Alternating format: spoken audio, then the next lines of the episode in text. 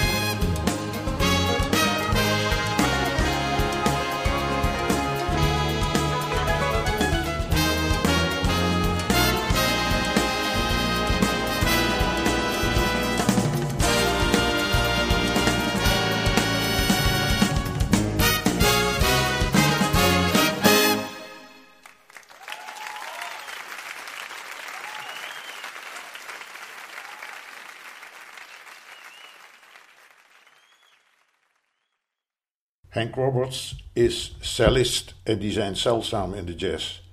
In zijn gehele carrière beweegt hij zich in de wereld van de avontuurlijke muziek, ook wel avant-garde genoemd. En uh, zo was hij lid van de Knitting Factory en speelt regelmatig met mensen als Bill Frisell en John Thorne. Zijn debuutalbum uit 1988 is getiteld Black Pastels. En daarvan hoort u het titelstuk.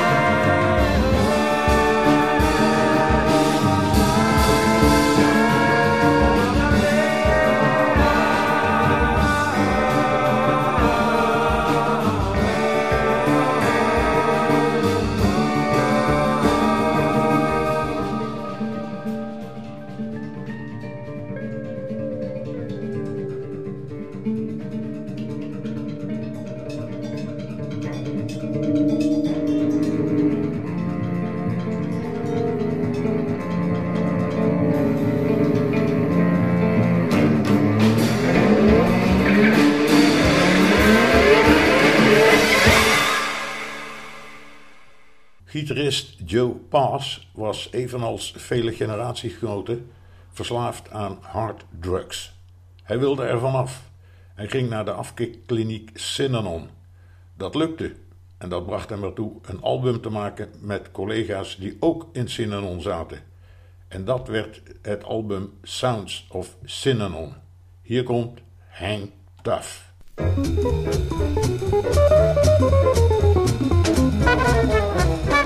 Música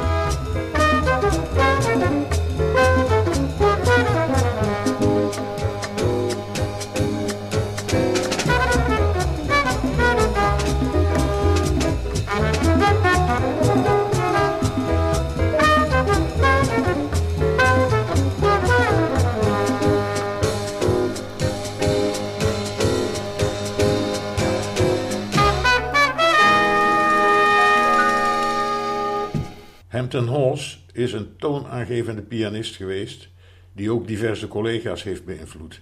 Hij heeft zo'n 40 albums onder eigen naam gemaakt. Ook Hawes heeft aan de drugs gezeten en werd veroordeeld tot 10 jaar, maar kreeg na enkele jaren gratie van president John F. Kennedy. Ik laat u een stuk horen van het album Live at the Showcase in Chicago met bassist Cecil McBee en drummer Roy Haynes. Hier komt Stella by Starlight.